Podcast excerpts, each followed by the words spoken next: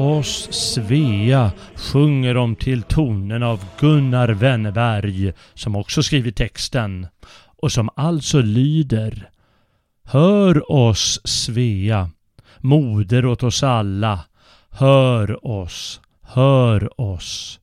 Bjud oss kämpa för ditt väl och falla. Bjud oss, bjud oss. Aldrig, aldrig skola vi dig svika. Aldrig, aldrig. Tag vår ed i alla skiften lika. Tag den, tag den. Med liv och blod försvaras skall den fria jord som än är vår. Vartenda grand utav det arv du gav i saga och i sång. Och om av svek, förräderi och splitt och våld du hotad står, så tro dock vi i Herrans namn som våra fäder trott en gång. Vår Gud är oss en väldig borg, han är vårt vapen trygga. På honom i all nöd och sorg vårt hopp vi vilja bygga. Härligt, härligt blir det då, segrande i striden stå. Härligare dock att få för dig, o moder, falla.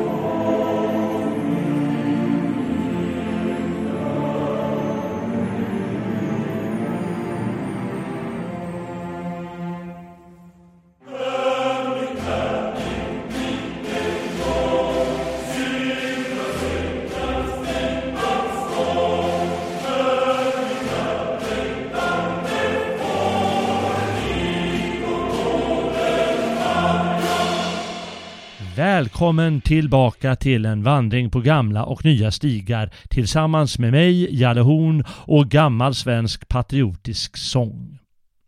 Förra vandringen ledde oss från omkring år 1600 och 200 år framåt till tonerna av svenska politiska visor, Bachkantater med text av Gustav II Adolf, opera om Gustav Vasa med text delvis av Gustav III och mycket annat.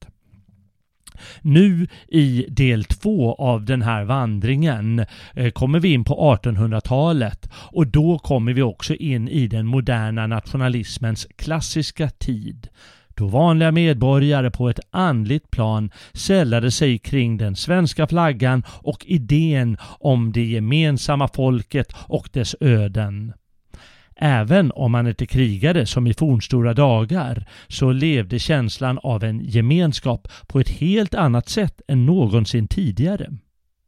Gunnar Wennerberg, som vi just hörde, är en självklar del av den andliga rörelsen. Skalderna frossade i nationalistiska, patriotiska dikter som många gånger tonsattes av dem själva, som i Wennerbergs fall, eller av någon annan.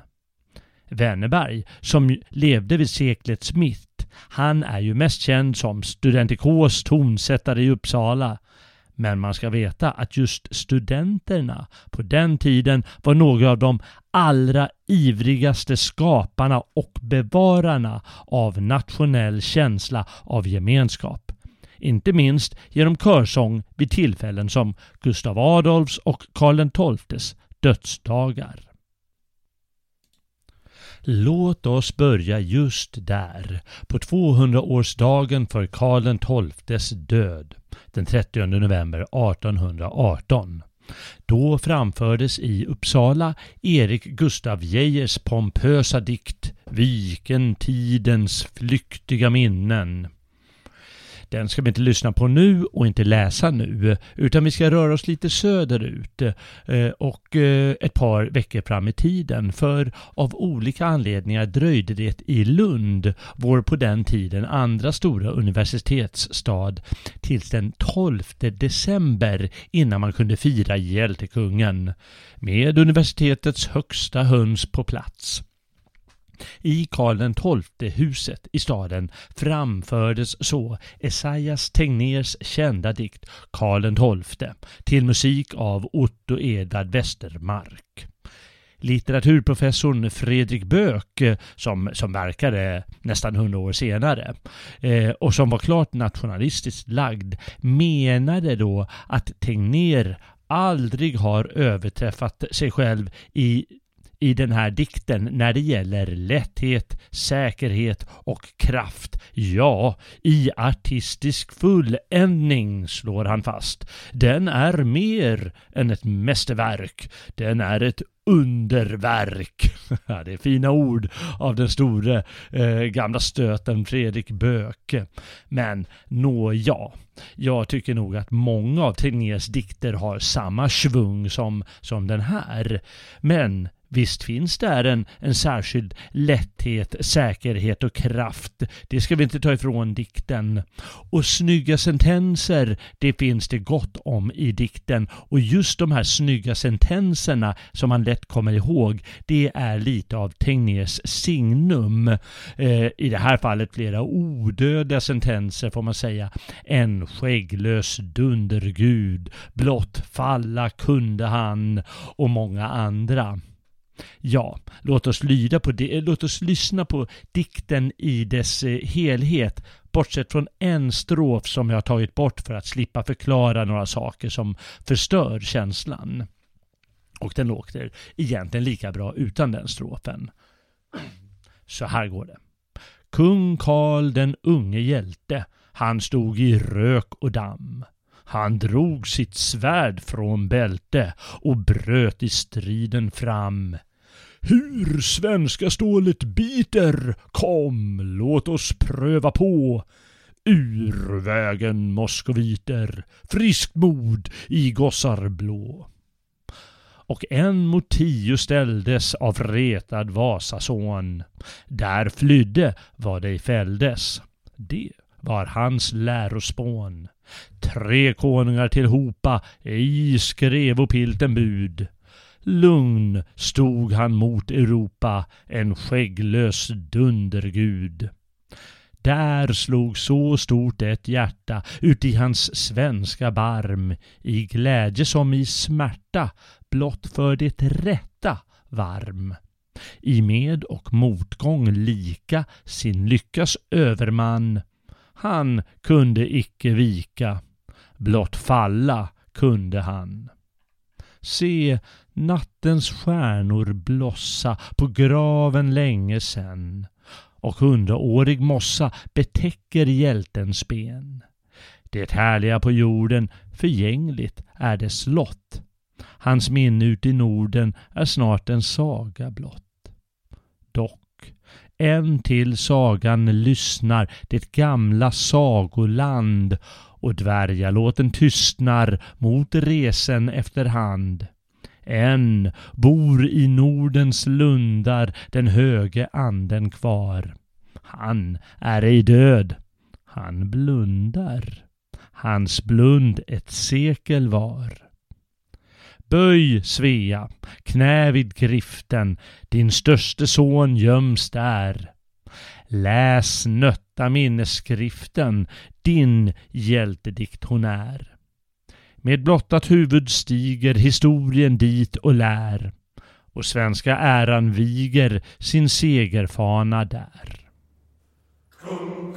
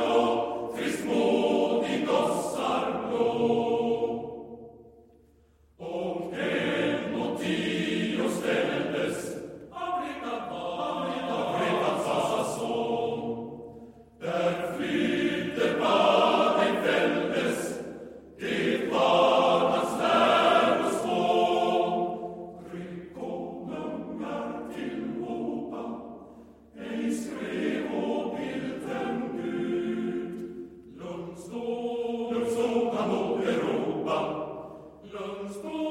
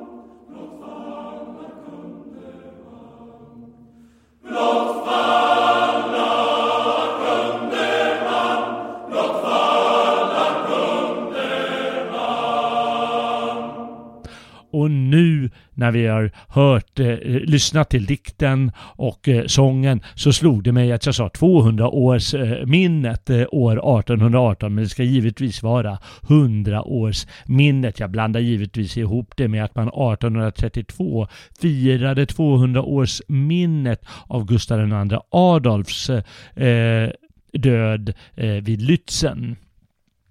Men eh, ja, det glömmer vi snabbt här och fortsätter vidare. Alla våra stora poeter från 1800-talets början skrev fosterländska dikter. Tegnér, Geijer, Stagnelius och Atterbom och flera andra då som räknades som riktiga storheter på den tiden. Och allt som oftast är de tonsatta för manskör, vilket skulle bli lite träigt om vi körde dikt efter dikt här på dagens vandring. Nu har vi redan kört två stycken. Nej, lite variation ska det vara. Och, där, och därför kör vi vidare till en mindre känd herre, eh, i jämförelse med de här i alla fall, eh, det vill säga Tegnér och Geijer och Stagnelius och Atterbom.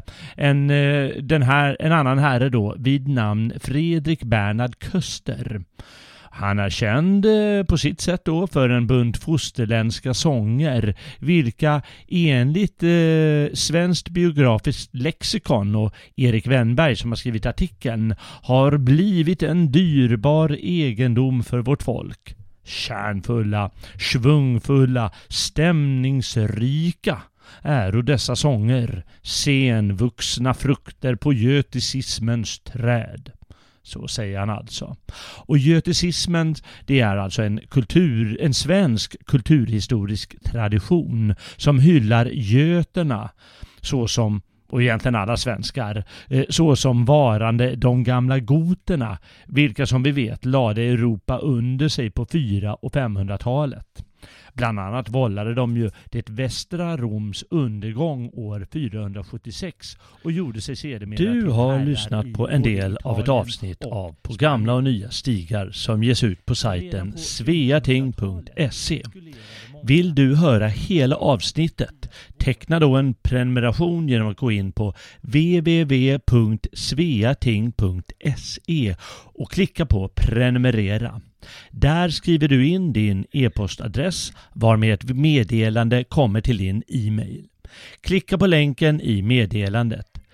Nu när du har länkats fram kan du välja vilken prenumeration du vill ha för att kunna lyssna på, på podden på gamla och nya stigar samt läsa alla artiklar kostar det 5 euro i månaden eller 50 euro per år. Då väljer du det alternativet. Vill du därtill ha tillgång till de ljudböcker och digitala böcker vi lägger upp måste du välja att bli tingsman för 100 euro om året. Därmed får du tillgång till allt på Sveating. Vi hoppas att få se dig på Sveating och förstås på stigarna framöver.